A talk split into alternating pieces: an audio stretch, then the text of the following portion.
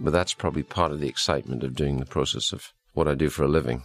An actor's job is not easy. It's quite difficult. Otherwise, we'd all be doing it. But I find there are actors who are prepared to contribute or you know, regard it as a partnership, and uh, that's the way I like to work. I like to work in the, you know, with actors in the sense that um, I don't believe in this process of Svengali, where I mold them, you know, like clay, which I think is frequently bullshit. I think um, my job is to actually cast the best person I can get for the role.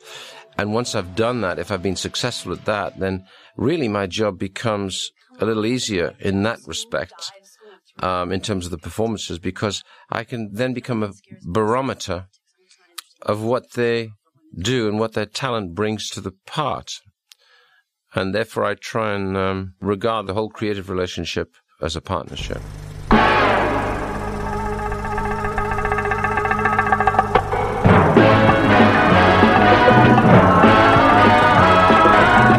When it comes to entertainment, you can't beat a good film. Goedemorgen, goedemiddag, goedenavond of wanneer je dan ook luistert. Welkom bij weer een nieuwe aflevering van Inglorious Rankers, de podcast waarin we films ranken. Vorige week kwam de eerste uh, van drie afleveringen uh, van Ranking Ridley Scott online. Deze week de tweede aflevering. De afleveringen heb ik samen opgenomen met mede-Instagrammer en Inglorious Ranker Paul Hazelhoff. Natuurlijk zijn we ook benieuwd naar jouw Ridley Scott ranking en wel een ranking van zijn films in de periode van 1977 tot en met 1997. Want die periode ranken Paul en ik ook tijdens de afleveringen. In het nieuwe jaar nemen we een ranking op over uh, zijn overige films. En zullen dan wellicht nog terugkomen voor een soort van definitieve Ridley Scott ranking. Deel met ons jouw ranking via de bekende social media kanalen. We hebben al wat reacties mogen ontvangen. Via uh, Insta reageert Rubicon13 op 10 White Squall, op 9 Thelma en Louise, op 8 1492 Conquest of Paradise, op 7 G.I. Jane, op 6 Legend, op 5 The Duelists en op 4 Someone to Watch Over Me, 3 Black Rain, 2 Alien en de nummer 1 Blade Runner. Sowieso mijn favoriete film aller tijden, schrijft hij. Daarbij nog een toevoeging van Robicon 13, zijn oude techniekvorm over substance.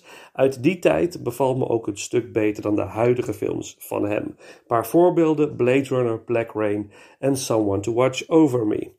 Dank voor je reactie natuurlijk.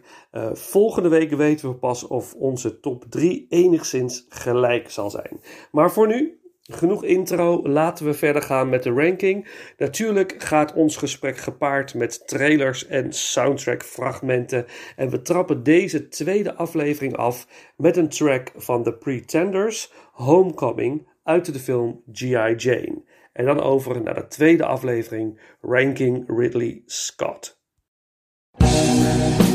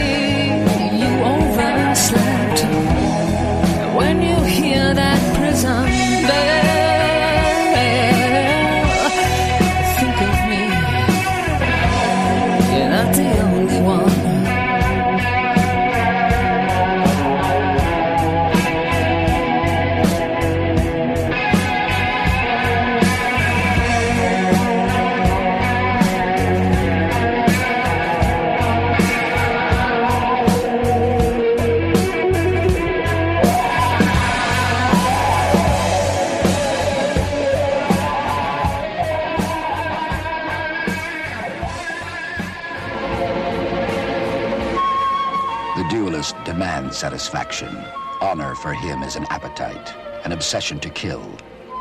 No apology is accepted, no quarter given. Only death will satisfy honor.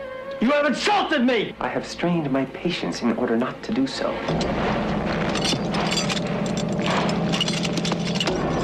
But I demand an apology. Strife without reason, a quarrel pursued for its own sake. Pharaoh intends to kill you. Gentlemen, prepare to advance. Nobody understands why you fight with Armand. I believe you feed your spite on him with no more sense than a nasty, blood-sucking louse. If he so earnestly desires to kill me, he will kill me. Damn it, kill him. Keep away from him. Keep ahead of him. Put your trust in Bonaparte.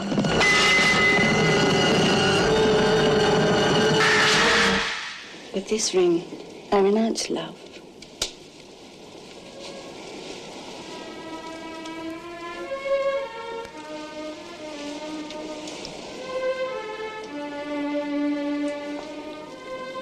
And make do with you.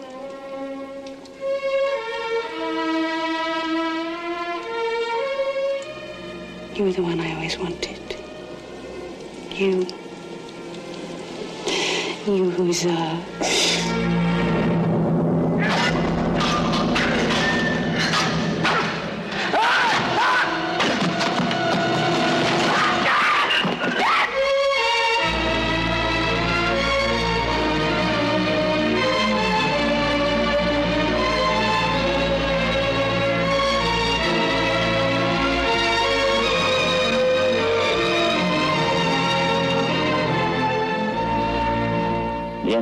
Reason have a certain blind look. He has that look, don't you think?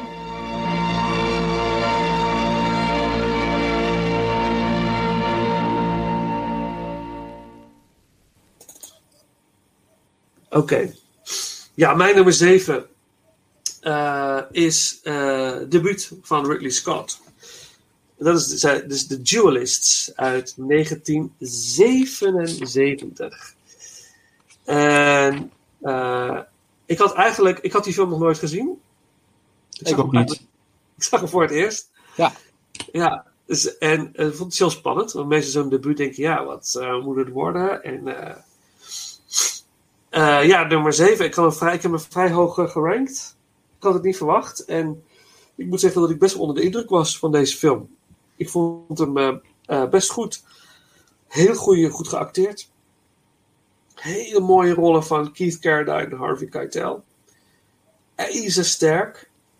Eh het, gaat, het speelt zich af in Frankrijk. En de leven van Eh, Napoleon. In de tijd van Napoleon Bonaparte, ja. En er zijn eigenlijk. Er is. een, ehm, je hebt een lieutenant Ferraud, gespeeld door Harvey Keitel. En die wordt aan het begin van de film. Moet hij eigenlijk op. Omdat hij. Hij doet illegaal doet hij duellen. Dus zwaardgevechten met mensen die met hem willen duelleren. Die kunnen met hem duelleren. Dat gaat dan vaak tot de dood. Of in dat je zo ernstig gewond bent dat je niet meer verder kan duelleren. Daar haalt hij een bepaalde kick uit of zo. Dat is een beetje een wacko, een beetje een onstabiele figuur. En aan het begin van de film moet- hij op het matje komen dat hij illegaal heeft geduelleerd. Wij zijn meerdere. En lieutenant Hubert, Hubert, gespeeld door Keith Carradine, krijgt de opdracht om hem eigenlijk het, eh, eh, op te roepen. Zeggen we, je moet nu meekomen naar je meerdere, want je moet je verantwoorden voor wat je hebt gedaan. Nou, dat trekt die Ferro niet. Hij zegt, wie ben jij om mij eh, dat hier te komen vertellen? Wie denk je dat je bent? Nou, dat leidt tot een behoorlijke discussie en hij daagt hem uit tot een duel on the spot. En, nou ja, die Hubert weet niet wat hem overkomt in eerste instantie. Hij weigert. Maar hij weet, die Ferro weet hem zo te prikkelen dat hij toch dat duel aangaat. En dat leidt, en dat niemand wint dat duel eigenlijk, soort van, het blijft een beetje onbeslist. En die Ferro die maakt het zijn levensmissie om te blijven duelleren met hem, totdat een van hen zal eh, sterven. Dat zit er eigenlijk in. En Hubert die, die houdt dat steeds een beetje af. Maar wordt toch steeds getriggerd om toch dat duel met hem aan te gaan door allerlei omstandigheden. En we zien die film over een tijdspanne van een aantal jaren. Eh, zien we dat steeds komen die mannen elkaar weer tegen op cruciale momenten in de historie. Eh, om uiteindelijk dan tot een soort van finale duel te komen met, met elkaar. En het is een heel, weer een heel simpel gegeven, maar het is zo verschrikkelijk goed uitgewerkt. En ik moet zeggen, die Keith Carradine, wat een acteur is dat. Een soort van. Heeft dus, je, je, je staat de hele film eigenlijk een beetje aan zijn kant. Van, hij wil het eigenlijk niet. Zo, hij wil eigenlijk gewoon zijn leven leiden en gewoon let me be, weet je wel. Laat me gewoon met rust. En dat probeert hij ook steeds te bewerkstelligen bij die vrouw. Maar die vrouw, gespeeld door Harvey Keitel, is gewoon, die is gewoon helemaal wired of zo. Die moet en zal die dat conflict aangaan met hem. En ik, vind zo, ik vond het zo fascinerend. Je hebt natuurlijk altijd voor dat soort mensen die blijven maar steken. En nee, waar moet dat nou? Ik wil dat uit jou krijgen. En dat vond ik zo mooi. Geschreven door Joseph, gebaseerd op een boek van Joseph Conrad. Die we natuurlijk kennen van Heart of Darkness, Apocalypse Now. En hij heeft ook een boek geschreven, geschreven Nostromo. En daar is het schip uit Alien weer naar vernoemd. Vond ik ook wel interessant. Precies. Dus die, voor mij is het nummer 7. Ik had hem zelfs wel hoger kunnen, scoren, kunnen zetten. Maar vergeleken met de rest heb ik die hier geplaatst. Maar ik was ontzettend blij verrast door deze film. Ja, helemaal mee eens. Ik, eh, ik kan er eigenlijk weinig aan toevoegen. Dat zal ik dadelijk wel nog doen, natuurlijk. Want hij staat bij mij wel hoger. Ja, Ehm, ik wil eigenlijk nu alleen zeggen van dat ik enorm verrast was. Ik, eh, ik had hem ook nog niet gezien. En ik had, eh, ik had hem gekocht voor deze ranking. En ik ging hem eigenlijk kijken met een beetje een, een, een ja, nonchalant gevoel. Laat ik zo zeggen van, oh ja, die moeten we even kijken, want die hoort er ook bij. die had ik ook, ja. En ik was, ik was gewoon echt weggeblazen. eh, op een bepaalde manier. Ehm waar ik later op teruggekomen, omdat hij bij mij hoger staat. Ja, Ehm, maar ik vind het wel eigenlijk een bijna een vergeten pareltje. Ja. Dat ik denk van, als echte filmliefhebber zou ik deze wel op je lijstje zetten. Eh, Ja. Als deze ooit eens voorbij komt of wat dan ook, kijk hem. Want het, ja, het acteerwerk is gewoon ontzettend goed. En ehm, eh, de film staat ook heel hoog aangeschreven onder de critici en ook onder ehm, ehm, mensen die de, het, het, het, het, stuntwerk en eh, de gevechten coördineren in de films. Van het schijnt nog steeds een van de eh, betere films te zijn waar echt de duellen zoals die in die tijd waren uitgevoerd eh, ontzettend realistisch in beeld wordt gebracht. Eh, Omdat vaak wordt natuurlijk zo'n duel met heel veel flair gebracht en met hele overmatige handbewegingen en armbewegingen om het zwaard. En je ziet eigenlijk in deze film zijn het hele minimale bewegingen wat ze doen met een zwaard en ook met de pistolen. Omdat gewoon iedere beweging kan gewoon dodelijk zijn. Op het moment dat je gaat uithalen en je, je gooit je arm omhoog, dan heb je gewoon je borstgedeelte vrij voor de tegenstander, dat hij gewoon je hart kan steken. Ja. En dat is iets wat wel bij de experts in Hollywood, wat betreft zwaardgevechten, waar onder andere mensen die gewerkt hebben aan de films zoals Pirates of the Caribbean, die, die zijn er echt nog steeds lyrisch over. En dat is ook vooral ook terug te vinden op YouTube. Ja. Maar daar kom ik later nog op terug. Op, eh, ja, ja, heel graag. Ik ben heel benieuwd naar jouw, eh, jouw ideeën. Maar wat ik zo... Ik was ook... Ja, dat had ik ook bij die film. Ja, we zitten sowieso mensen... We zitten op spoilergebied. Daar, kun je, daar kom, je- kom je niet onderuit. We moeten over bepaalde scènes praten. Hoe die eruit zien. De laatste... De laatste... Laatste shots van Keitel die over die eh, vallei kijkt, wat die zonsondergang is het eigenlijk. Die wolk, met die, die, nee, die zon breekt eigenlijk door heel langzaam. Dat is het. Het is zo, dan denk je, mijn god, wat zou... Als je dat in de bioscoop had gezien, destijds zou je toch wel gedacht hebben van... De man die dit gemaakt heeft, wat, wat voor visionair is dit? Het is zo- zo'n basic verhaal zo mooi uit te laten zien. En Mhm. die continue spanning die je voelt. Waar gaan ze elkaar weer tegenkomen? Wat gaat er gebeuren? Eh, eh, eh, de, het, cruciale ding van Napoleon in, in Rusland. Hè? De, hè, waar al die Franse soldaten zijn omgekomen. Sporen zijn geraakt. Hoe dat in die film. Er zit ook gewoon in die, er zit heel veel historie in. Het ziet er fantastisch mooi uit. Je, je waant je in die tijd. Het is een fantastische karakterstudie. Het is, het is gewoon echt voor, voor een debuutfilm is het. Is ook, heeft ook beste film gewonnen eh, eh, in, eh, op het Cannes Filmfestival. Eh, ja, het, is zo, het is zo mooi. Het is zo, zo goed gedaan. En we gaan het er straks nog wel meer over hebben natuurlijk. Ik zou niet te veel kruid verschieten nu. Maar eh, laten we dan in ieder geval even luisteren naar één van de twee tracks die ik al voor de zekerheid had eh, klaargezet. Vooruit de Duelists. En dan wil ik eh, muziek van Howard Blake. Eh, Howard Blake trouwens is ook de componist, schrijver van de muziek van eh, de film die ik in ieder geval nu vooral met de kinderen, maar sowieso altijd ieder jaar even terugkijk. The Snowman.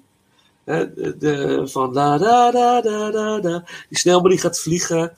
En dat hij dan, weet je, dat prachtige animatiefilm uit 1982. En het liefst kijk ik hem dan met de introductie door David Bowie. dat maakt het helemaal af. Uiteraard. Dat, ehm, dus Howard Blake heeft ook de muziek voor deze film verzorgd. En dan om eh, mooi beeld te krijgen daarvan, is altijd goed om even te luisteren naar de end credits. Dus we gaan eh, daar naar luisteren. En dan gaan we door naar jouw nummer 6.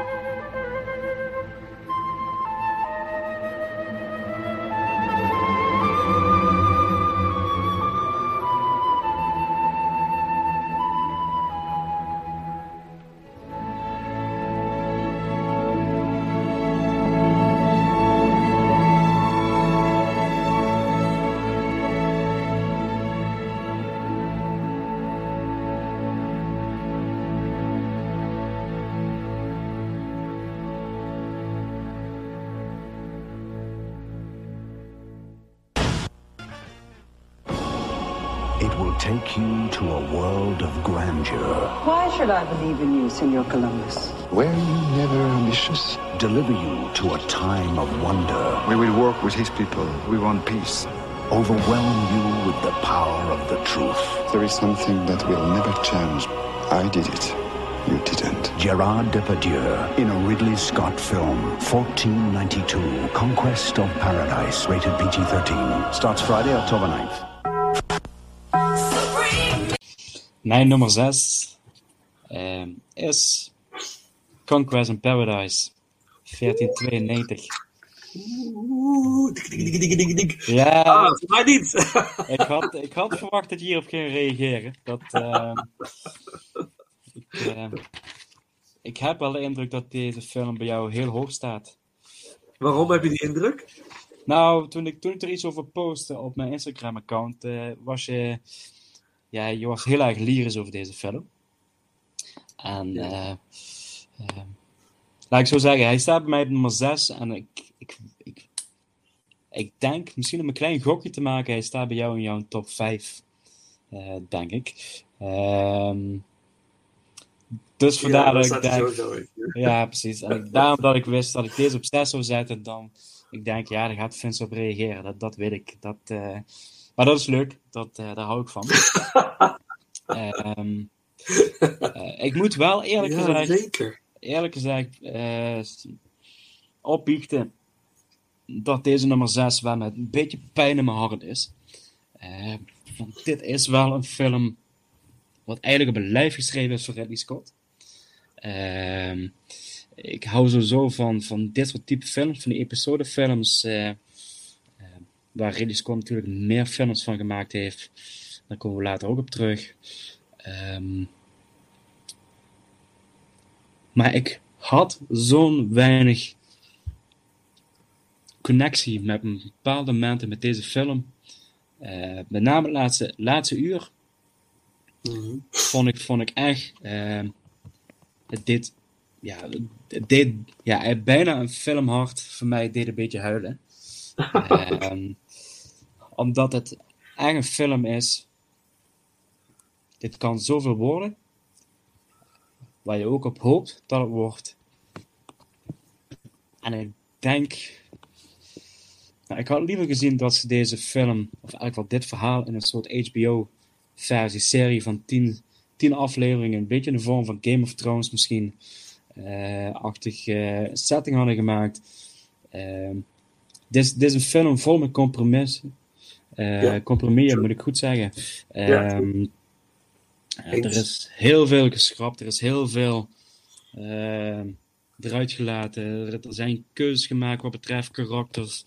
Eh, sommige karakters komen letterlijk voorbij gelopen en hebben een bepaalde zinnetje in de film en komen niet meer terug of ineens heel laat terug. Dat je denkt, oh ja, ja die, dat was die op dat moment. Ehm, ehm, ik weet ook niet of ja, Gerard Depardieu, of dat nou de, de beste hoofdrolspeler voor deze film was geweest in die tijd. De film is volgens mij van 92 even mijn Ja, hoofd. 1992. Yes. Ja. Dus dat vond ik al een nieuwsgierige keuze van waarom kies je voor Gérard Depardieu voor de hoofdrol. Eigenlijk een Fransman om een Spanjaard te laten spelen. Eh, dan denk ik van ja, was dan volledig voor een Spanjaard gegaan. Eh, allemaal, allemaal van kleine keuzes dat ik denk van ik ben wel heel nieuwsgierig waarom ze hiervoor gekozen hebben. En eh, Ja. de- de- Ja, was, was destijds wel een heel geliefde acteur. Bekend Ja. acteur. Dus misschien daarom. Maar, en, en Columbus was... Wat ik een beetje heb kunnen vinden over Columbus... is dat hij... eh, soort van half Italiaanse roots had ook. Dat hij, schijnbaar had hij meer een Italiaans accent dan een Spaans accent gehad of zo. Oké. gezien. Door een streek waar hij uitkomt of zoiets. Dus dan zou je inderdaad zeggen dat het Frans accent nog net iets dichter in de buurt zou komen. Dus misschien is dat een overweging. I don't know. Ik heb niet kunnen Ja. vinden waarom ze Depardieu hadden gekozen. Dat, dat weet ik niet. Ik, ik- ja, ik vind, ik vind wat, wat de film voor mij enigszins redt, is de muziek van, eh van Jealous. Eh, dit is, eh, ja, misschien wel ook wel een van de bekendste soundtracks in zijn algemeenheid. Uh, Conquest in Paradise. Uh, uh, dit, dit is, door die soundtrack wil je de ogen sluiten terwijl je een film bent aan het kijken. En dat is eigenlijk niet de bedoeling. Want ja, natuurlijk, de soundtrack moet de film ondersteunen. Of dat is eigenlijk het plan. Um, maar dat ik eigenlijk ja, moet opbiechten dat ik de soundtrack mooier vind dan de film zelf. um, maar dat, dat, de laatste uur gebeurde van allerlei dingen. Er, er, wordt zo raar gesneden en gemonteerd. Midden in een, in een slagveld wordt ineens weggesneden. En ik, ik weet nog zo goed de scène dat, dat, uh, dat, dat Columbus zit, zit vast in een bepaalde houten stellage en wordt aangevallen door bepaalde wildelingen. Hij, hij draait dus waar een beetje door. Uh, want, want hij beseft van ja, ik heb eigenlijk altijd met goede vrede heb ik hier naartoe willen komen. Uh, maar als ik niet van me af ga vechten, dan kom ik hier niet levend weg. En de wildelingen waren niet, geen lievertjes, om het zo maar te zeggen. Dat, uh, met lynchpartijen en dergelijke. Um, en er is dan één shot ineens, is ineens zijn gezicht helemaal bedekt met bloed. En is hij weg. Dan gaat het beeld letterlijk op zwart. En dan ga je ineens een andere actiescène waarin je eigenlijk moet opmaken van ja, dit gevecht. Uh, ze zijn op de vlucht geslagen en ze worden opgejaagd door de wildernissen. En ze trekken eigenlijk terug naar hun eigen nederzetting wat ze hebben opgebouwd. Om vervolgens daar ook weer een bepaald gevecht te vormen. Daar is natuurlijk ook nog een heel potje verraad bij gekomen door allemaal edelmannen die allemaal hun aandeel willen hebben. Er gebeurden ineens zoveel rare dingen dat ik dacht van oh wacht eens even, ik heb letterlijk teruggespoeld en kijken van, heb ik wat gemist? En ik ben terug gaan spoelen en ik heb die scène nog eens allemaal gekeken en voor mij viel het wel op de plek, maar ik kan me echt goed voorstellen dat menig andere kijker die minder daarmee gedreven is, echt zoiets heeft van, ja, ik mis ik iets. Mm. En dat was voor mij ook het gevoel van, hier is echt een gesneden en hier is echt keuzes gemaakt. Um, maar dan, ja, daarentegen ja, de prachtige plaatjes wat dan weer geschoten worden, de muziek, de, de, de, de aankleding. Ja, dit is Ja. gewoon echt magistraal. En je ziet daar is ook het geld in gaan zitten en de hele aankleding en eh, noem hem allemaal op. En dat Ja. vind ik dan echt zo'n, ja, zo'n pijnlijke concludering vind ik dat dan. Dat ik echt denk van, oh man, dit is net alsof je ja, alsof je een Marvel film gaat maken met een 8-bit Nintendo computer. eh, wat gewoon niet werkt. En ehm ik gewoon, want ook heel veel bekende namen spelen, eh, spelen mee in deze film. Eh, vooral ook heel veel gezichten, of acteurs waarvan je zegt, ja, ik ken het gezicht, maar ik ken de naam niet zo goed. Mhm. Dus ook, ook op deze keer zelf had ik dacht van, speelt hij ook in deze film mee? Eh, had ik niet verwacht, om zo te zeggen. Of toch had ik niet opgeslagen. Mhm. Ehm, ja, dit, dit, dit is ook zeggen. Dit is wel een film wat me wel eigenlijk een beetje verdrietig gedaan heeft. Van, dat ik denk, dit had eigenlijk zo'n mooi product kunnen worden. eh, als, als misschien een groter budget of misschien nog meer vrijheid had gekregen om te, te mogen maken. eh, wat hij had willen maken. En met name ook ja, de afsluiting dan van de film voelt gewoon enorm onbevredigend. Mhm. Ehm, eh, eigenlijk in de laatste tien minuten wordt dan ook even verteld wat het lot van Columbus is geweest. Ook in de geschiedenisboeken. En dat eigenlijk dankzij eh, zijn werk van zijn zoon, of het schrijfwerk van zijn zoon, dat hij later nog pas erkenning heeft gekregen voor zijn, voor zijn reizen. Ehm, Maar de eerste anderhalf uur eigenlijk van eh, het, het, ja, de financiering loskrijgen van, van de Spaanse koningin, geloof ik, als ik het goed Mhm. heb eh, Ja. gespeeld door Sigourney Weaver. Ja. Ehm, de, de, de crew vinden, de mensen verzamelen, de volgende reis met de boot, en met alle ellende wat erbij komt kijken. Ja. Het, het ongeloof van, van, van medebemanning, van ja, die, die, die man die tikt niet zuiver, we zijn hier een idee na het streven. Eh tot mensen die hem wel geloven en ja, handlangers worden. eh, dat is allemaal mooi. Tot eigenlijk, ja, en ook dan de eerste contactlijn met de, met de inheemse bevolking. Eh, tot, dat moment gaat het allemaal goed. En dan zit je eigenlijk al op een uur en een kwartier, geloof ik.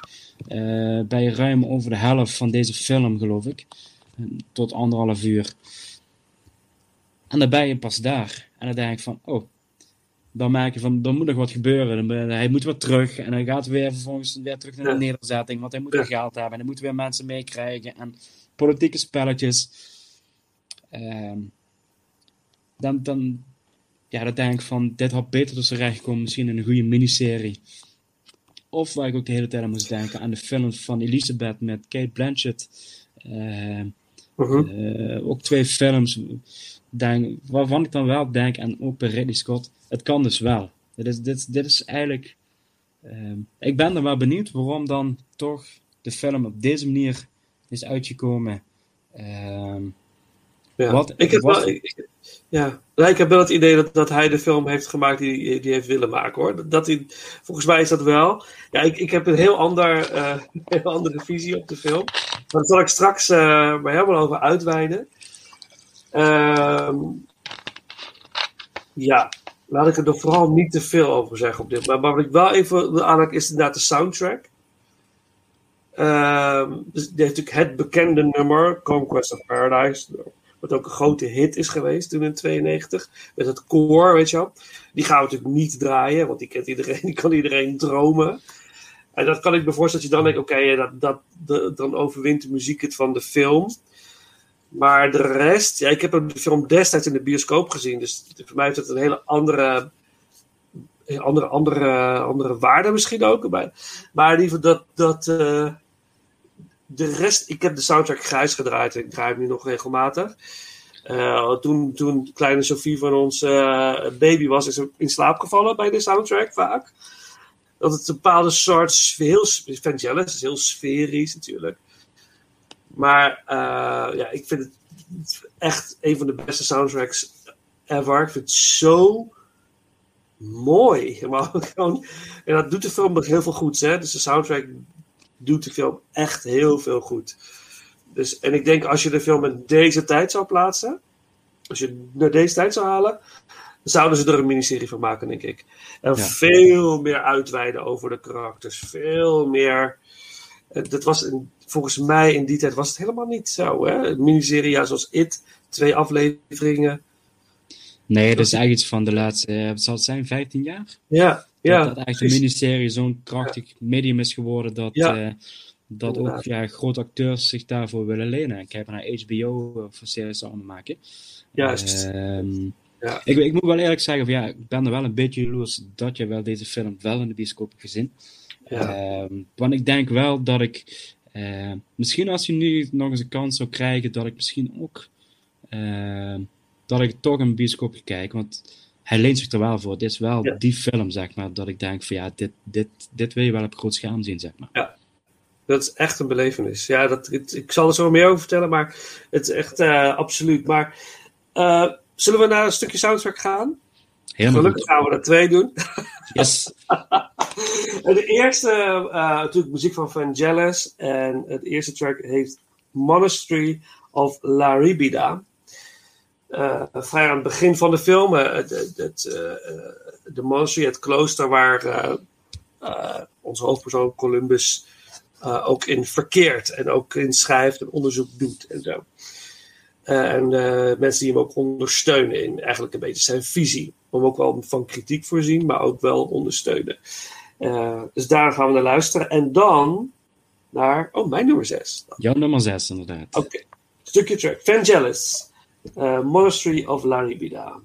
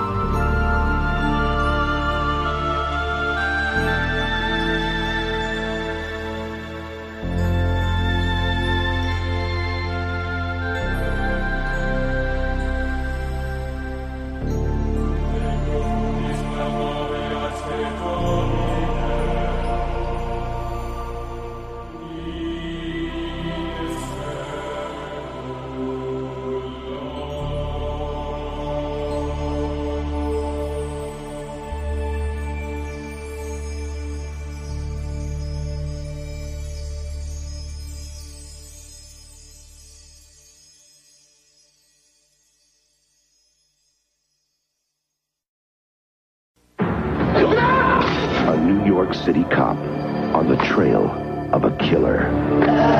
From the back alleys of Manhattan to the streets of Japan. You remember me, don't you? This isn't New York. Justice falls like black rain. I thought we were working together. Michael Douglas, Black Rain, rated R. Starts Friday, September 22nd at theaters everywhere.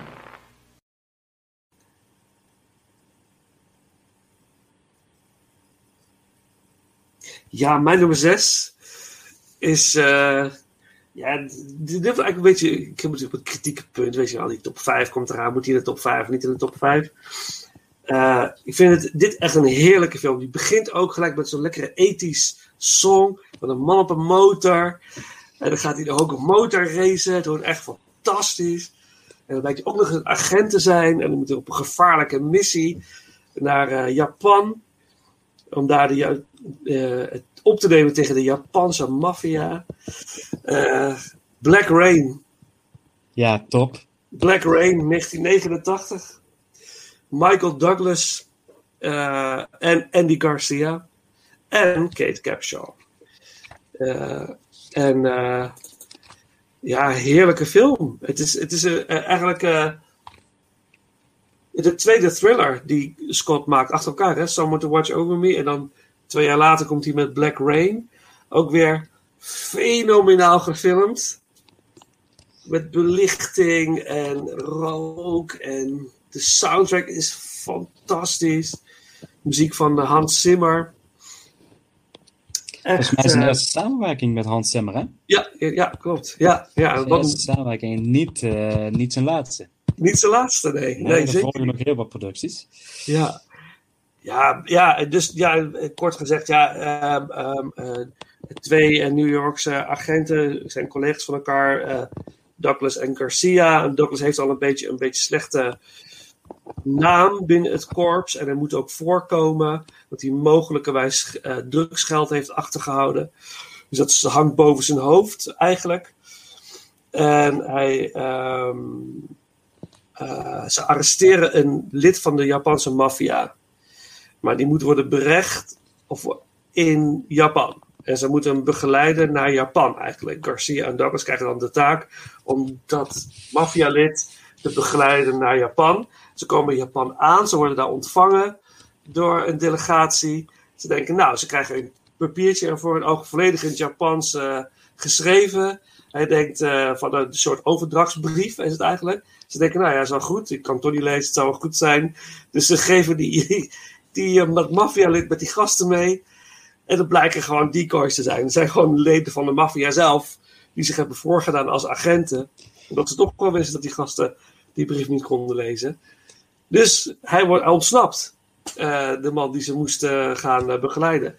Dus moeten ze samenwerken met de Japanse eh, politie. Om eh, ja, die gast weer op te pakken. En eh, eh, zodat hij berecht kan worden. Nou ja, dat is in basic. En dan gaat natuurlijk, ja, ze moeten infiltreren. Ze moeten dus. Ze krijgen te maken met de Japanse maffia, die hun ook op de hielen gaat zitten natuurlijk, want ze moeten, ze, ze moeten gestopt worden. Nou ja, dat is een basic lijn, is dat het verhaal. En uiteindelijk leidt dat tot een geweldige eindbattle tussen Douglas en de, de, de maffiaman. In de regen volgens mij zelfs ook nog. Weet je, echt Mhm. eh, Ja, fantastisch. niet alleen een clash van culturen, maar ook een clash van goed en kwaad, om zo te zeggen. Ehm Ja. Het is eh, inderdaad wat je terecht zegt, de tweede thriller van Scott. En ook wel eh, ja, echt zo'n ouderwetse, heerlijke ja, detective film, om zo te zeggen. Is, eh, ik ga hem hoger staan. En eh, ik zal er dadelijk natuurlijk ook nog op terugkomen. Ehm, Ja. maar ja, ik, ik, ik, ik kan echt genieten van deze film. Dus eh, Ja, ik ook. ik wil nog niet te veel over vertellen. Nee, nee, nee. Het is wel, wel interessant dat die ehm, man die de, de maffiaman speelt, zeg maar, die, die leidde op dat moment van, tragisch. Dit is de laatste filmrol eh, die hij heeft gedaan. En hij heeft ook gezegd van, eh, van This way I will live forever. Eh, eh, heeft hij eh, tegen Scott gezegd. En, eh, zeven weken na de films première. Op 40-jarige leeftijd overleden. Deze film is ook opgedragen aan, aan hem. Hij speelt ook echt wel een, ja, echt een goede bad guy, vind ik. Waar hij normaal gesproken, wat ik begreep in de Japanse filmwereld, vaak de good guy speelt. Speelt hij nu de bad guy. En degene die de good guy speelt, in de, Japan, de Japanse collega van Douglas en Garcia, was eigenlijk altijd de bad guy in de Japanse filmwereld. Dus het, mm -hmm. het is tegenstellingen. En, uh, en die man die, die de good guy speelt, die sprak ook geen woord Engels. Dus die uh, heeft alles ter plekke moeten instuderen. En dan moeten horen wat voor emotie erbij, hij erbij moest acteren. Nou ja, ik had het niet door. Ik vond echt heel charismatisch karakter. Degene waarmee Douglas moet samenwerken. En hij voorziet hem ook van bijzondere wijsheden die hem ook weer verder brengen in zijn eigen ontwikkeling. Wil je eerst niet naar luisteren natuurlijk. Een heerlijk eigenwijs uh, karakter speelt hij. Maar uh, ja. ja, ik vond het echt gaaf. Echt gaaf. Ja. Maar je wilde, jij wilde er niets van over zeggen? Nou ja, dat, dat is, uh, jawel, we komen er zeker nog op terug ja. bij mijn ranking of mijn plek. Ja. Maar absoluut, ik, ik vind het eigenlijk een hele goede film. Ja. Ja. dat is okay, okay, een beetje in houden. Ik denk, oh, ja, ja, ja, we komen, ja, ja, we komen er straks op terug. Ik wil straks terug. trouwens, even één ding zeggen. Dat Paul Verhoeven zou de film eigenlijk regisseren, hè? Oh, echt serieus? Ja, het zou zijn follow-up worden naar Robocop. Maar hij heeft toen dit geskipt voor Total Recall. Toen is hij Total Recall gaan maken. Maar uh, uh, het had een Paul Verhoeven film kunnen zijn. Maar gelukkig is het Ridley Scott. Eigenlijk denk ik, want Paul Verhoeven naar Total Recall, ik had het niet anders willen zien dan dat eigenlijk. Nee, dat, dat klopt. Dus dat uh, is alleen maar goed. Maar, maar het verklaart misschien wel waarom, waarom Jan de Bond wel de camerawerk gedaan heeft. ja. ja. Dat, dat is ja, ook een beetje, beetje, beetje Nederlands trots, om zo te zeggen. Van, ja. Want ja, Japan wordt eigenlijk ontzettend mooi in beeld gebracht. En uh, niet alleen met zijn schoonheid, maar ook met zijn, met zijn lelijke kant wordt op een hele mooie manier in beeld gebracht. Uh, vooral de, de, de, de, steden met alle neonlichten, als het platteland met, met ja, de rijstvelden en alles waar Japan om bekend staat. Ja, schitterend. Dus dat is wel een beetje, uh, ja, Nederlands trots, waar we ook even. Ja, moet toch even, ja, absoluut. Jan ja, Bond, zeker. Fantastisch. En Michael Douglas vindt het een van zijn fijnste films uit zijn carrière, dus dat zegt ook wel wat. Dus als je Black Ray niet gezien hebt, als je nu luistert, ja, eigenlijk wacht niet langer. Schaam. Uh, ja, score hem ergens. Ga kijken. Ontzettend van genieten. Ja, schaam je. Ja. Nou, ik, ik, ik, ik, toen ik hem op, op Instagram had gepost en ik met het kijken was, kreeg ik echt heel veel reacties van mensen van waar heb je deze film gevonden? Ja. Uh, ik, ik, heb hem toevallig gewijs op DVD liggen en ik heb hem echt jaren geleden gekocht. Ja. Uh, uh, maar het, het, schijnt wel een film te zijn die redelijk moeilijk uh, te vinden is. Uh, zowel op, op, op schijfjes als op ehm, de digitale streamingdiensten. Volgens mij kun je hem op YouTube kopen. Ja, hij ligt ook vaak bij de kringloop. We hebben, ik heb hem gewoon ook zelf thuis, maar al heel lang. Maar volgens mij kun je hem op YouTube gewoon kopen. Ja, dat is best mogelijk. En, en daar ja. zeggen, bij de kringloopwinkels, daar refereer je ook vaak naar mensen toe van. Ja. Ga daar kijken, want dan vind je soms echt de mooiste films terug voor, uh, voor die ene euro. Voor een euro, ja, ongelooflijk. Ja, inderdaad. Hey, um, maar oké, okay, straks veel meer over Black Rain. Ik ben heel benieuwd naar jou, uh, waar die staat, überhaupt. Ja. Uh, doen we straks een stukje van Hans Zimmer. Uh, er zit een nummer in, um, gezongen door Iggy Pop. En nou moet ik heel even spieken. En nou weet ik even niet meer de titel van dat nummer. Ik wel, hoe was het nou ook alweer? Oh god. Wat erg dat ik daar nou niet op kom. Dat is het nummer uh, Black Rain, Living on the Edge of the Night. Ja, die gaan we even doen. Uh, van Iggy Pop. En daarna over naar de top 5. En dan gaan we naar jouw nummer 5. Let's get going. Oké, okay, dit nummer van Iggy Pop. Living on the Edge of the Night.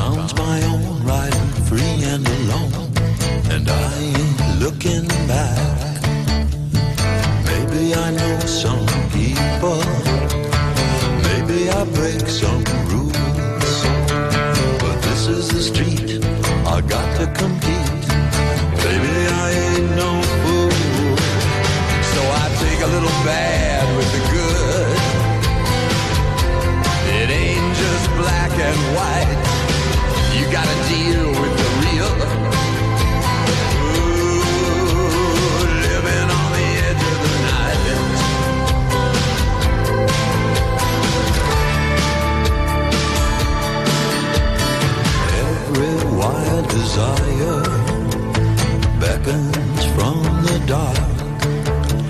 I've made my bed, but I can't rest my head while I still swim with sharks. Everyone needs something. Sometimes they don't know why. But so much could be misunderstood in the blink of an eye. So I take a little bad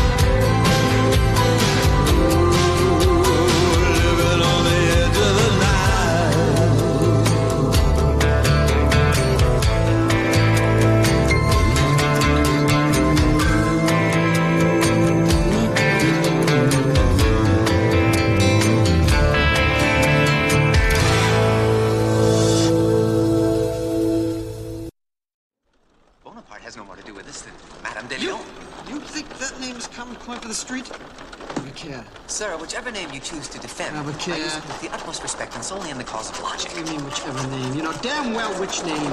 I must own myself. You'll always be that. You leave us alone, please.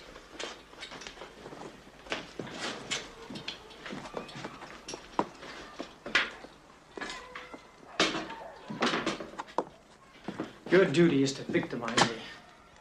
Am I mistaken? You have chosen to hunt me out in the drawing room of a lady toward whom I feel Sir, the I deepest. respect your inexpressible sentiments. But I can assure you that the hunting was no choice of mine. You have insulted me.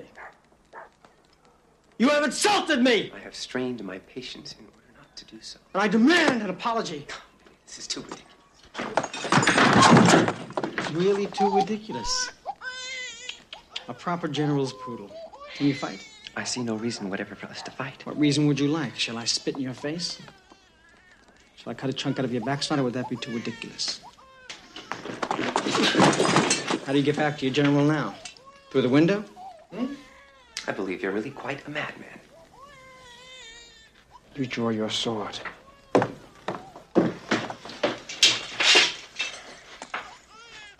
You draw your sword. Oh, by God, I'll chase you down the street like a chicken.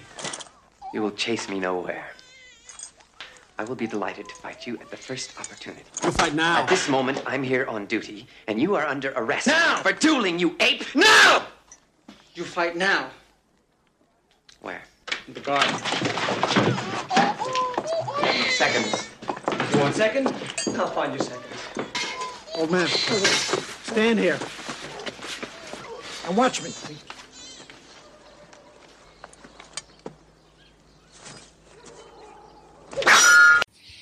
Op nummer 5 staat bij mij The Duelist. De debuutfilm. Die heb ik op nummer 5 gezet. En ehm, ja, we hadden er juist al even kort over gehad. Hij stond bij jou eh, op nummer 7, als ik even goed eh, heb onthouden. Yes. Ja, Yes. ja nogmaals, ik, ik, vind, ja, ik vind het eigenlijk een geweldige debuutfilm. Eh, eigenlijk wat je ook al heel mooi beschreef, hoe de, hoe de personages eh, hun verschillen. Harvey Keitel is inderdaad echt ja, bijna een, een psychopaat. Zo geobsedeerd door, door de duellen. En eh, dit, dit is ook een soort, soort ego-strijd kwestie. Je ziet hem ook groeien in, in, in, in, de, in, de, in, de, in de rangen van het leger. Hij, hij groeit ook echt naar boven. Volgens mij sneller dan, dan zijn eh, opponent. Omdat de opponent... eh, even kijken, ik ben de naam kwijt. Dave, Dave, Dave, Dave, Dave, Dave. Wat bedoel je? Carradine. Of eh Keith Carradine, sorry. Ja, ja. Ja, ik was even een andere acteur. Dat is volgens mij zijn broer, hè? David Ja, Carradine. David Ja. Carradine. Het is ik weet het niet zeker trouwens. Maar Nee. maakt niet uit. Ga verder. Ja. Ja, dat, dat, dat, dat is echt meer een familieman. Die, die, hij werkt in het leger, maar wil gewoon eigenlijk gewoon overleven. En gewoon naar huis gaan, naar zijn gezin, naar zijn vrouw. En volgens mij later ook kinderen. Ehm, dus ze staan ook op een andere manier, alle twee op een andere manier in, in het duel, zeg maar. De ene wil, wil zijn ego strelen, de andere wil gewoon overleven, wil naar huis gaan. Ehm, ehm, ja, en daar levert hele interessante dynamiek op. Niet alleen tijdens de duellen, ook maar de- tijdens de dialogus. Eh, want ook al tijdens de dialogus wordt er een bepaald gevecht gevoerd tussen twee heren. En ehm, ja, de, de, de, de, de setting en de aankleding. eh, daar was ik zeer erg verrast door, door als een debuutfilm. Wat je ook terecht zegt, van, er zijn op een gegeven moment echt van die, van die, van die shots van winterse landschappen waar, waar leger is gesetteld. Eh, waar je echt moet denken aan bijvoorbeeld de openingsscènes van Gladiator, waar Mhm. in, in Duitsland, waar de, de Germanen. En, dat ik denk, als je dit al voor een debuutfilm zo kunt eh, voor elkaar kunt krijgen, zo gedetailleerde vormgeving, aankleding, noem maar op. eh, ja, dan belooft er echt wel een gouden toekomst voor je. Dan, dan heb je het echt wel in je zitten. Ehm, wat ik zelf een van de mooiste momenten vind in de film is, eh, nou misschien wel twee. Het is het eerste duel. Het eerste duel waar de twee heren staan ze in een weiland. Eh dan staan volgens mij twee, twee mensen die, die, ja, hun allebei helpt. Een beetje de, de, de, de rechterhanden van de heren. En ehm, ja, je ziet dan zo'n moment dat ze in de concentratie proberen te komen voor het duel aan te gaan. En op een gegeven moment moet iemand zich aan de neus krabben en trekt zich terug. En dan denk je van, Ja. ja, neuskrabben. Maar dat ik eigenlijk, wat ik al eerder ook aangaf, van zo'n klein detail. eh, Net dat moment dat je irritatie in je neus krijgt, kan fataal zijn. Omdat je niet in de gaten hebt hoe een steek van het zwaard eh, kan gaan of van een degen. Ehm, ja, zo fascinerend. En eh, hoe dat wordt uitgewerkt. Tot in details zie je de heren eigenlijk op elkaar aflopen, teruglopen. En dan hun degen steken en vooruit houden en punten tegen elkaar. Ja, dit is zo fascinerend in beeld gebracht. En ja, je, je, je merkt gewoon de spanning tussen die tweeën van wie gaat als eerste toeslaan. Ja. Eh, gedu- ja, volgens mij zijn er drie of vier duels wat ze afspelen gedurende de films. En de, de laatste eh, duel is een duel met geweren. Wat natuurlijk ook Ja. een andere dynamiek geeft. Maar in zo'n prachtige omgeving neergezet. Echt in, in, in, het groene woud van ehm, waar het verhaal zich op dat moment afspeelt, weet ik even niet precies. Maar zo helder groen. Eh, je, ziet de, je ziet de dauw op de bladeren zitten, want het gaat vanaf de ochtendgloren, begint het duel. En dit is gewoon wie het langste stil kan zijn en wie het meeste geduld heeft, die wint. En op het moment dat je dan de kans krijgt, moet je ook nog raak schieten, want hebt maar één schot of twee schoten. Ze hebben twee losse pistolen. Ieder schot, of ieder pistool heeft één schot, uiteraard. Ja. Eh, en het moet raak zijn. Ja. Dus die spanningsboog en voortdurend die, die focus bijhouden van zie ik hem daar lopen, zie ik hem niet lopen. Eh dan word ik met camerawerk, wordt er heel slim wordt er mee eh, gespeeld. Ehm, ja, vind ik echt geweldig hoe dat. eh, en daarom zei ik, was echt best wel overrompeld van deze debuutfilm. En Ja. dat ik eigenlijk ook een beetje om, hopelijk ook de luisteraars een beetje te, te prikkelen om deze film te gaan kijken. Denk ik van ja, Ja. ik ga hem in de top 5 zetten, want hij verdient zoveel meer credits en kijkers dan hij denkt tot nu toe gekregen heeft. Ehm, dus vandaar dat hij bij mij op nummer 5 is gezet. Ja, nou, ik, ik sluit me helemaal aan eh, bij dat laatste wat je zegt inderdaad. Dat eh, verdient nog meer credits dan dat hij, eh, mogelijkerwijs heeft gekregen. Maar ik, ik had hem nooit gezien bijvoorbeeld. En we hebben toch allebei best wel veel films gezien. Ja. Maar dat we dan die film dan juist weer nog, nog nooit hebben gezien. Dat het op een of andere manier niet zo, niet zo heel erg trekt of zo. Maar dat is ook het leuke aan dit soort rankings. Dan moet je wel gaan kijken. Je moet gewoon gaan kijken. En dat, dat resulteert, er vaak in hele mooie, interessante eh, verrassingen. Weet je dat trouwens een soort van waar gebeurd is? Dat die Furo eh, die rol van uh, Keitel echt uh, gebaseerd is op een echte figuur. Ja, Dus- ik, ik weet niet de details, maar dat staat wel iets van bij inderdaad. Ja. Dat, daarom was ook het boek, eh, wat je eerder noemde, Ja. heeft ermee te maken dat dat weer inderdaad gebaseerd is op een waar gebeurd verhaal. En natuurlijk voor de film een bepaalde, eh, zeg maar, eh makeover heeft gekregen. Ja. Om het eh, filmbaar te maken. Maar ik Ja. geloof dat, als ik het goed begrepen heb, corrigeer me als ik het fout zeg, dat het personage van Katel, dat is waar gebeurd. Eh, Of die heeft echt bestaan en dat de rest daar meer fictief eromheen gemaakt Ja. is, wat ik begrepen heb. Ja. ja, het is wel zo dat, dat er inderdaad een, eh, tenminste, eh, dat, het wel, dat er wel een, een figuur is geweest die, eh, zeg maar, de kartelfiguur moest oproepen. En dat daardoor wel duels ontstaan, maar niet het hele geromantiseerde verhaal van die Nee, Hubert. dat is dan, dan weer niet waar gebeurt. Maar die, eh die eh Furo, die werd, had de bijnaam El Demonio. Dus het schijnt echt een... ehm, Een eh, maniak. Een maniak te zijn geweest, ja. En dat zit ook wel een beetje in die film. of Zo. Hij, is, hij is ook totaal niet sympathiek. Dus ja, Nee. Helemaal niet, maar toch fascineert hij. Hij, hij is een soort de, de, de leeuw die altijd op de loer ligt. Van, doe één verkeerde beweging en ik pak je gewoon. En dan ben je weer de Sjaak. Ja, geef me geen kans, want ik heb je gewoon bij de klauwen. Ja. Dat, eh, Ja. Of bij de klauwen. Dat, eh, Ja. Absoluut. En dat, dat is ook wel wat. Ja, Harvey Keitel is daar wel echt superieur in. Dit, eh dat kun je Fantastisch. aan hem wel overlaten. Ja, Dat, eh, zeker. Deed me ook een beetje denken aan zijn rol van de Bad Lieutenant. Ja, ja, van ja. Abel Ferreira. de film. Dat ik denk van, ja, die, die, ja, die donkere kant. Dat, Ja. maar ik kende de hele film niet. En dat, dat was eigenlijk een beetje ook de verrassing. Want toen werd er afgesproken om deze ranking te maken. Ja, dan ga je ineens kijken wat films zijn er allemaal gemaakt. Mhm. En ineens stond hij in een lijstje van debuutfilm. En ik had er nog nooit van gehoord voor, voor deze ranking. En dat is... eh, dat heb ik bij andere regisseurs wat minder. Dat je wel weet van, oh, dat is een debuutfilm.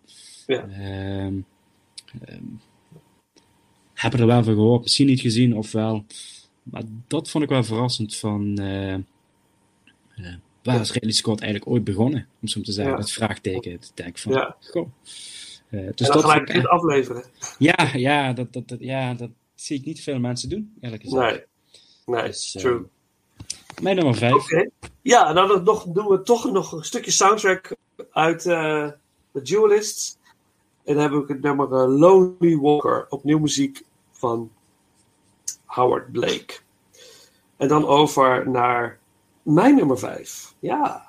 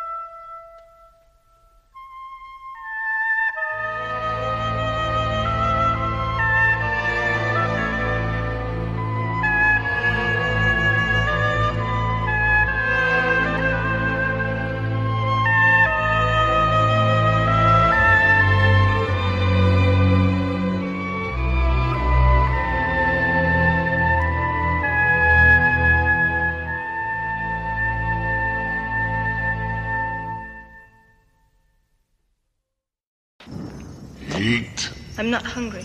You lie. Just to please me. I do nothing for your pleasure.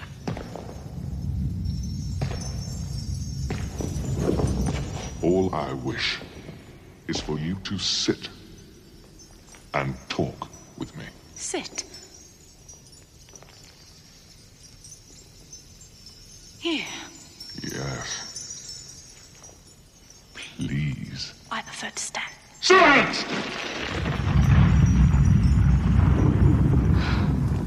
Or stand.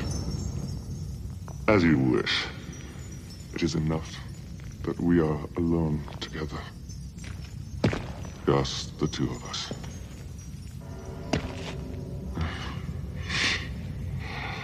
Some uh, simple conversation. I have nothing to talk about. You've stolen my dreams away. All things change, lady. The dreams of youth are the regrets of maturity. Dreams are my speciality. Through dreams, I influence mankind. My dream is of eternity with you. I offer you this rose, princess. My heart, my soul, my love. Love?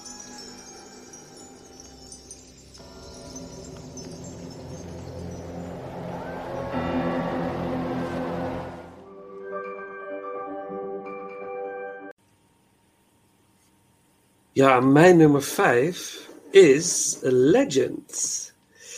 Eh, de film waar we het over hadden, de film uit 1985, de fantasyfilm van Ridley Scott. Inderdaad, in contrast met uh, Labyrinth, The Neverending Story, Willow, The Dark, The Dark Crystal is ook wel vrij duister als film. Maar dit is toch inderdaad wel de meest duistere fantasyfilm. Nou, goede fantasyfilm uit de jaren 80. Want er zijn natuurlijk heel veel uh, fantasyfilms gemaakt die wat minder uh, goed zijn. Prachtige Mia Sara inderdaad. Uh, hele jonge Tom Cruise. visueel, heb ik al gezegd, visueel prachtig. Mooie soundtrack. het gaat inderdaad over die eenhoorns die moeten worden. Dus eigenlijk de wereld, de goedheid van de wereld leunt op de schouders van de eenhoorn. En de duisternis wil die eenhoorns eigenlijk vernietigen, zodat zijn, hij kan regeren duisternis over de wereld. Dat is een beetje het idee uh, erachter. En um, ja, het is, het is, voor, het is een, een van mijn favoriete fantasyfilms sowieso, überhaupt. Uh, ik, ik, hoef ook niet per se al die achtergrondinformatie. Ik vind het ook mooi om het te laten overweldigen door het visuele aspect. Uh, de, de, goblins zijn heel creepy. Uh, je hebt Blix, de goblin Blix. Die, die ziet er heel erg bizar uit. heel eng. Vinden, kinderen vinden hem ook echt heel eng. maar hij is gemaakt naar het gezicht van Keith Richards. Dat is wel een compliment. Dat las ik zo lachen. Ik denk, ja. Fantastisch. En uh, Ridley Scott wilde dus inderdaad een hele duistere film maken. Uh, haalde inspiratie uit Beauty and the Beast, Sneeuwwitje, um, Fantasia van Disney. Uh, de oude Fantasia en, en Bambi zelfs ook. Um, Rob Bottin, make-up artiest, heeft met deze film ja, ik vind het zo mooi. Die film holds up. Je kunt hem in deze tijd gewoon nog steeds kijken en denken van... Mijn hemel, wat is dit? Waarom hebben we CGI nodig als je dit kan maken? Dit zijn gewoon meesters in, grime in grimeerwerk. Uh, uh, um, Tim Curry, die Darkness speelt, die is door een hel gegaan. Echt door de make-up die hij op had. Echt een hel geweest voor die man. Hij is zelfs een keer zo erg geweest, las ik, dat hij gegeven moment zo in een soort van um, claustrofobische toestand eruit dat hij een stuk wegscheurde aan een stuk huid meenam, zeg maar. Het is zo, eh, het is zo hefzwaar, heel zwaar geweest voor hem, deze rol. Maar hij neelt het wel gewoon, want ik denk dat Darkness in de fantasy realm een van de meest gave bad guys is. En dan heb ik het dan, durf ik het te zeggen, Sauron of Darkness, Darkness. Gewoon omdat je in zijn hele hebben ja. houden. Het is echt een karakter. Hij, het is, en hij heeft die hele zware stem heeft hij. En hij lijkt heel erg charmant. En hij kan je in, inpalmen met al zijn charmes en manipulatieve bewoordingen. Hij heeft wel een behoorlijke gelaagdheid. Want het is, Ja. eh, Ja. het is, het is inderdaad eh, vele gezichten, om zo maar te zeggen. Ja. Eh, hij doet heel veel of hij gaat heel ver om zijn doel te bereiken. Ja. Dat, dat, ik- snap de vergelijking wel en ook wel. Ik, ik kan me wel vinden in, in jouw stelling van dat het wel een, een, een, een fantasy films oeuvre, als je zo'n lijstje maakt, dat dit wel echt one of the big guy is. Ja, en ik denk ook Eh, dat te weinig mensen deze film ook hebben gezien. Ik denk dat, Ja. dat er niet veel mensen de film gezien hebben. En Tom Cruise is natuurlijk super jong. En eh, hij, hij acteert heel raar. Het is niet Tom Cruise als je hem nu gewend bent. Het is heel anders. Het is heel... Maar ik wist dat mijn, allemaal mijn dochters zeggen: oh, hij is zo knap. Hij is zo knap. Wie is die? Hoe heet hij? Hij is zo knap. De hele tijd. Oh, er was weer een close-up van Tom Cruise. Hij is zo knap. Ik dat is waar, wat, wat die meiden ook willen. Dat, het gaat niet om wat. ah, dat gaat helemaal niet. Het gaat, dat is die knappe, de knappe Jack die prinses Lily moet gaan eh, redden. Maar eigenlijk is het ook wel heel slim gemaakt natuurlijk. Hè? Want je hebt natuurlijk Tom Cruise en je hebt, eh, even kijken, Mia Sarah en Ja. Tim Curry. Dus je hebt eigenlijk de drie ja, primaire emoties die je gewoon wilt samenvatten in de film. Ja. Bijna perfect, dat kan het gewoon niet. Gewoon Tom Cruise voor de dames en eh, voor de heren hebben we dan Mia Sarah. Ja. Dan ultieme slechterik. Tim Curry, wat je zegt van ja, dit is gewoon echt een briljante, briljante rolspel. Ja. Ehm, ik, dus ja, ik hoorde je bij de eerdere, toen ik bij mij aangaf waar Legend stond. Is het, ja, eerste instantie was het dus echt een hele bloederige versie eh, in gedachten. Ja, toen ik dat hoorde had ik wel zoiets, ja, maar dat wil ik eigenlijk wel zien. Dat Ja. vind ik dan wel echt zo van, en gaat het dan richting, ja, zeg maar de stijl van Guillermo del Toro, zo-achtige... Waarschijnlijk, ja. Gothic fantasy-achtige eh tafereelen. Ja. Dus dat, dat vind ik wel heel erg interessant, dat ik denk van... ehm, maar ik vind het ook wel apart dat het is dus een enige fantasiefilm. Fantasyfilm geworden. Ja. Dat, Ja. eh, is het dan toch iets... eh, ja, heeft hij dan toch een slechte ervaring ermee? Dat hij denkt van, ja, voor Scott, dat hij zegt van... Of gewoon geen interessante projecten voorbij komen. Dat kan natuurlijk ook. eh, Ja, misschien dat. Dat zou natuurlijk heel erg goed kunnen. Want wat ik eh, in een interview van hem heb gehoord, en ik ga ook een stukje interview daarvan ook. eh, luisteraars hebben het al gehoord. Ik, bij de intro ga ik een stukje. Hij zegt ook in een interview van: Ik wil maken wat ik wil maken. En dan zeg ik: Fuck you. Zegt hij dan ook echt. Hmm. Ik maak wat ik wil maken en niet wat iemand anders wil. Ik doe. Dus misschien is er inderdaad niks interessants voorbij gekomen. Hè, dat wat je zegt, misschien niet. En er zijn, worden zoveel fantasyfilms gemaakt. Er zijn zoveel. Het is nooit. Er zijn er maar een paar echt goed, hè? ja, Fantasyfilms. het is een moeilijk genre. Ja, het is weinig wat echt heel goed is. Hè? Ik ga eh, in november. Uh, dat is een beetje een spoiler, maar dan gaan we The Lord of the Rings doen. Dan ga ik met iemand dat eh, eh, ranken. Eh, maar dat. Dan denk ik ook, ja, zelfs daarin. Ze zijn niet allemaal. eh, Ja, de drie Lord of the Rings vind ik fantastisch. Maar als je naar de Hobbit gaat, vind ik alweer een beetje. Denk, oeh, ik weet het niet zo goed wat ik daar van sommige dingen heel mooi is, maar dat komt later weer op. Maar het is, het is wel echt een heel moeilijk genre. En die heb ik wel gisteren eh, gezien, The Green Knight. Ja, ik heb hem ook gekeken. Ja, je had het nog gezien. Ik heb hem dus ook Ja. gezien. En eh, nou, ik vond hem ja, fantastisch. Ik moest de hele tijd denken van waarom gebeurt dit? Wat is dit? Wat, wil die film mij nu gaan vertellen? Weet je? Dus ik moet het nog een keer gaan kijken en ik moet nog dingen gaan opzoeken. Maar de Ja, eerste dat zei ik, hè? Ja, je zei het. Ik zei precies van, ik heb eigenlijk Ja. zin om weer te gaan kijken. Want er zitten zoveel processen zitten er aan.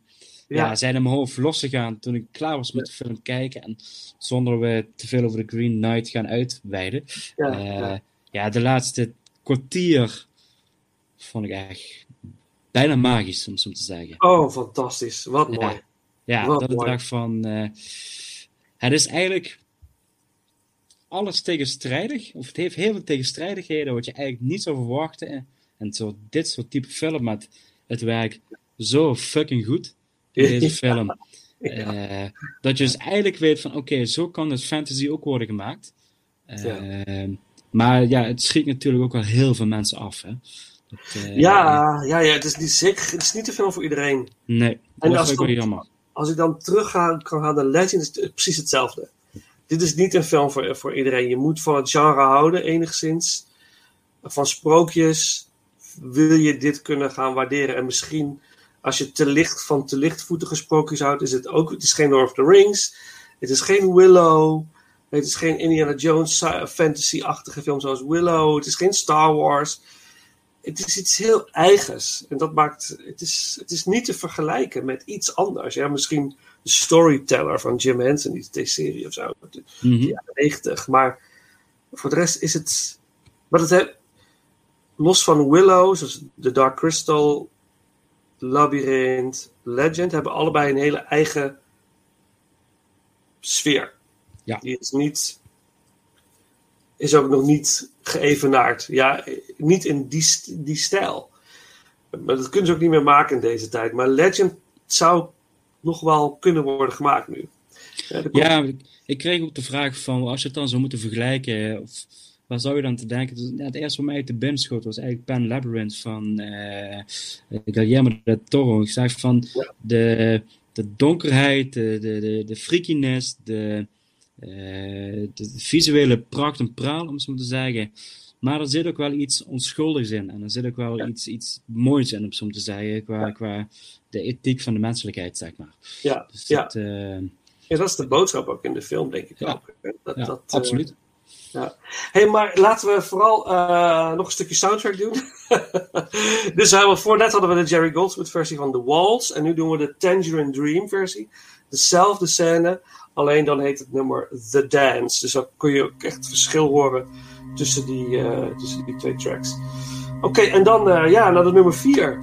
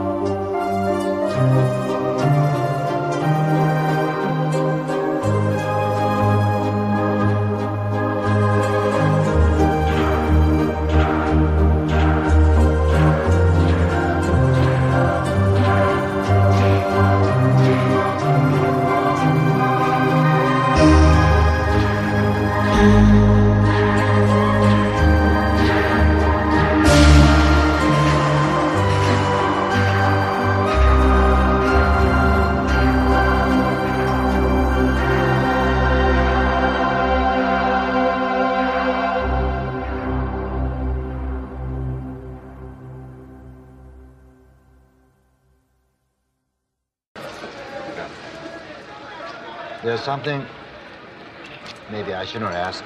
What? What? You can, you can ask me anything you want, Master. What do you want to know? These disturbing things I hear about you in New York.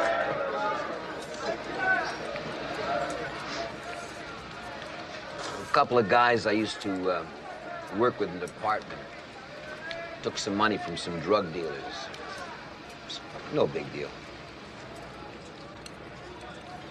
They stole?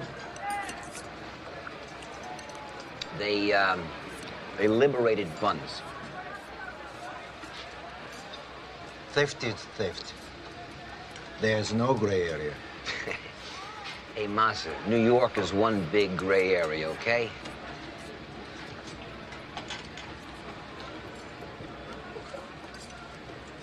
Did you take money?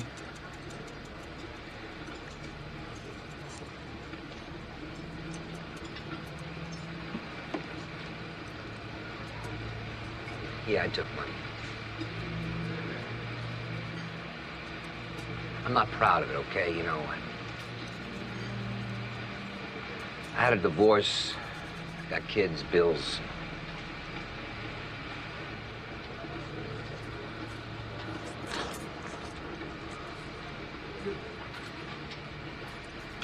Did Charisan know?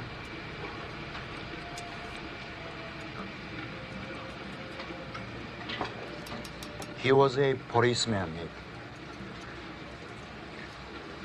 If you steal, you disgrace him. And yourself. And me.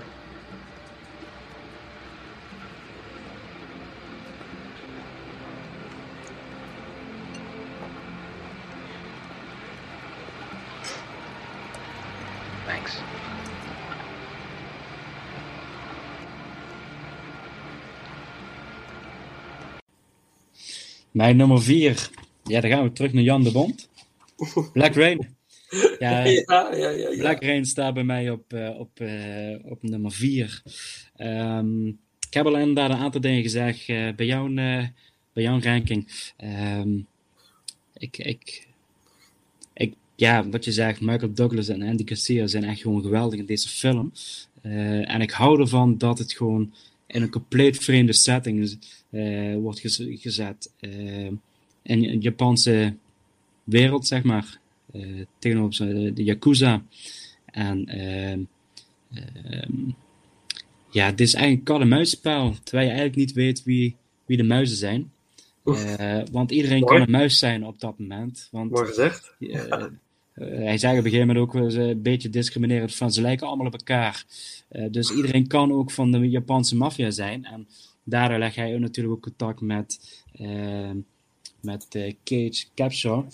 Want zij Ja. is een Amerikaan die zich heeft gesetteld in, eh, in Japan. En eigenlijk wel de culturen goed eh, begrijpt. En probeert daar Michael Douglas ook wegwijzend te maken van let hierop, let daarop. Ehm, en hij loopt eigenlijk ook voortdurend een beetje achter de feiten aan. Eh, op het moment dat je denkt van, hey, ze hebben eindelijk een doorbraak, of ze zitten op het goede spoor, of ze hebben een succesje geboekt, dan komt er weer iets eh, om de hoek kijken waar ze nooit aan gedacht hebben, omdat er tussenregels in Japan zijn, of de cultuur, of wat dan ook. En ja, je voelt op een gegeven moment gewoon die moedeloosheid een beetje bij die, eh, bij die politieagent ontstaan. Ehm, met eigenlijk een beetje de, de hoogtepunt, of in elk geval, de, de, de- er wordt naartoe gewerkt op een hele goede wijze, vind ik, de, de scène met Andy Garcia, eh, als ze van elkaar gesplitst worden. En meer zou ik er niet over vertellen, maar die hele scène waar het begint, eh, met eigenlijk een overwinning vieren en op stap gaan, je ineens een hele rare wending door een, door een incident. wat eigenlijk de film gewoon volledig op zijn kop zet. In elk geval voor Michael Douglas, zijn personage. Ehm, dat is gewoon heel sterk gemaakt, vind ik. Eh, Ja, wat ik ook wil zeggen in, in jouw ranking van de, de lelijke kanten van Japan worden op zo'n mooie manier in beeld gebracht. Van de, de, de, de, de ghetto's en noem maar, op. Eh, wat me ook weer deed denken aan een andere film van Ridley Scott. Waar we later ook op terug gaan komen. Ehm, Ja, ja eh, heel erg dat. Klopt. Ja, dat, dat, zeker. Dat ik, ik had op een gegeven moment ook zoiets van, ik vond hem bijna een bepaald spiritueel vervolg op deze film. Omdat eh, er zoveel parallellen zitten tussen die twee films. Eh, wat ik gewoon mooi vind, omdat het eigenlijk, Black Rain lijkt eigenlijk een recht aan politiefilm. Mhm. Eh, maar hij is zoveel meer. Ja. En dat is iets waar ik, waarom ik enorm heb genoten van deze film. Zeg maar. Ja, en ook wat zo mooi is aan die film, ja, het is zoveel meer. Het is natuurlijk underrated ook heel erg. Mhm. Weinig mensen kennen deze film van Ridley Scott. Eh, eh, ehm, maar wat ik zo mooi vind, is dat je de hele tijd ook in een soort. Je, je voelt mee met die Michael Douglas. Van wat moet je doen? Moet hij. Is hij eerlijk over wie hij echt is? Is hij eerlijk over wat, Ja. hij, wie, wat hij wil? En wat hij. eh, is zijn motivatie wel oprecht? En je gaat zo. Je leeft zo met hem mee dat uiteindelijk de conclusie daarin dat je, dat je denkt: ja, verrek. Ik zou, voor hem, ik zou voor hem instaan. Ik zou zeggen: Ja. van jongens, kom op, weet je. Ja. Ik, ik dat, dat vond ik zo mooi gedaan. Dat doet die Douglas dat zo goed. Hij kan Nee, het je, ziet, je ziet weergeven. inderdaad het, het innerlijke conflict zie je bij hem heel Ja. goed. Eh, Ja. En wat ik daar ook wel juist mooi aan vind, van in Amerika wordt hij verdacht van corrupte praktijken, om zo te zeggen. De internal affairs eh, Ja. hebben hem om oog en Ja. hij, eh, ja, er wordt wat, wat een beetje schimmig over gedaan. Ehm, omdat hij niet de regels gevolgd heeft. En hij gaat juist naar een land waar de schimmigheid groter is dan de juiste regels volgen. Dus eigenlijk de contradictie van. Eigenlijk zou hij moeten passen in Japan. En hij is hij de, misschien wel de meest perfecte Amerikaanse agent om daar te gaan werken. Ja. Maar het, het werkt als zo'n enorme spiegelvorm van. Dat hij eigenlijk moment beseft van, oh, dit is eigenlijk mijn wereld, maar het is zo corrupt en zo ja, schimmig als de pest. Ja. Maar dit is eigenlijk nooit waarom ik politieagent ben geworden. Eh, dus hij wordt enorm geconfronteerd met zijn eigen eh, gebreken. Eh, Omdat hij ineens in een wereld leeft en werkt. Wat eigenlijk symbool staat voor zijn handelen. Eh, dus hij wordt ineens eh, degene die eh, de goedheid wil brengen. Of eigenlijk wel de goede dingen wil doen. Ja. maar weet dat hij daarvoor ook wel de randjes moet opzoeken. En om sommige mensen ook wat te prikkelen en mee te krijgen. En te overtuigen van. Te zeggen, ja, weet je, ik ben die man, ik snap hoe het hier werkt. En als je die wil pakken, de grote slechterik om zo te zeggen, moet je op deze manier te werk gaan. Is inderdaad niet volgens de regels, maar dit is wel hoe de wereld werkt. Ja. Eh, en dat vind ik gewoon ontzettend mooi gemaakt in deze film. Eh, waar de cultuurclash niet alleen qua Japan en Amerika, maar ook goed, kwaad, politieagent tegenop zijn crimineel. Eh, ja, er zitten zoveel kruisbestuivingen, ja, dat vind ik heel erg Ja. tof gemaakt. Ehm, en daarnaast, het is gewoon een ontzettend spannende film. Van begin tot einde. Ja, zeker. Is wat je zegt, van, vanaf de motorscène dat hij begint te rijden. Ja. eh, Ja. Waar, waar als een wedstrijdje begint. Ja. Je zit er direct in, de, de, de sfeer wordt gezet, de toon. eh. En voor je het weet zit je op het vliegtuig naar Japan. En wat je zegt, dan begint het. En dan krijg je zo'n formuliertje in de handen die het wat achteraf een of andere autoverzekeringsformulier blijkt te zijn. Of iets van een autorental eh formulier. Wat, waar ze gewoon, ja, het, het is toch net niet het bonnetje van de afhaalchinees. Ja, ja. Gewoon hoe, ja, hoe beledigend kan het zijn, om het zo te zeggen. Ja, je bent afgeserveerd door een bonnetje van de, van de autoverhuur. Ja, en dan inderdaad het, het op, op high tempo, maar op high tempo, maar toch ook eh, inhoudelijk gewoon blijft het sterk. Ja. Tot die eindbattle. En ik, ja, weet je, je hebt Heat, je hebt eh, Die Hard, je hebt Lethal Weapon, je hebt Black Rain, je hebt die Untouchables. En weet je, die, het zijn die films in die periode 1990 tot 1995, zo'n beetje die dat zijn de, dat zijn de meesters. En Black Ja. Rain hoort daartussen. Hij hoort daartussen. Hij is niet minder dan die anderen. Hij is geen niet minder dan Die Hard of Lethal Weapon. Het is, Nee. het is gewoon misschien zelfs in sommige opzichten nog wel beter. Maar ja, dat valt over te discussiëren natuurlijk. Maar goed, eh, ik, ik hou ook echt van Black Rain. Eh, Geweldig. Ja, hij is denk ik wel een inspiratie voor de latere actiefilms denk dat, eh dat Black Rain echt wel in het filmpje, of in het filmpje, in een rijtje thuis hoort. Ja, Dat ja.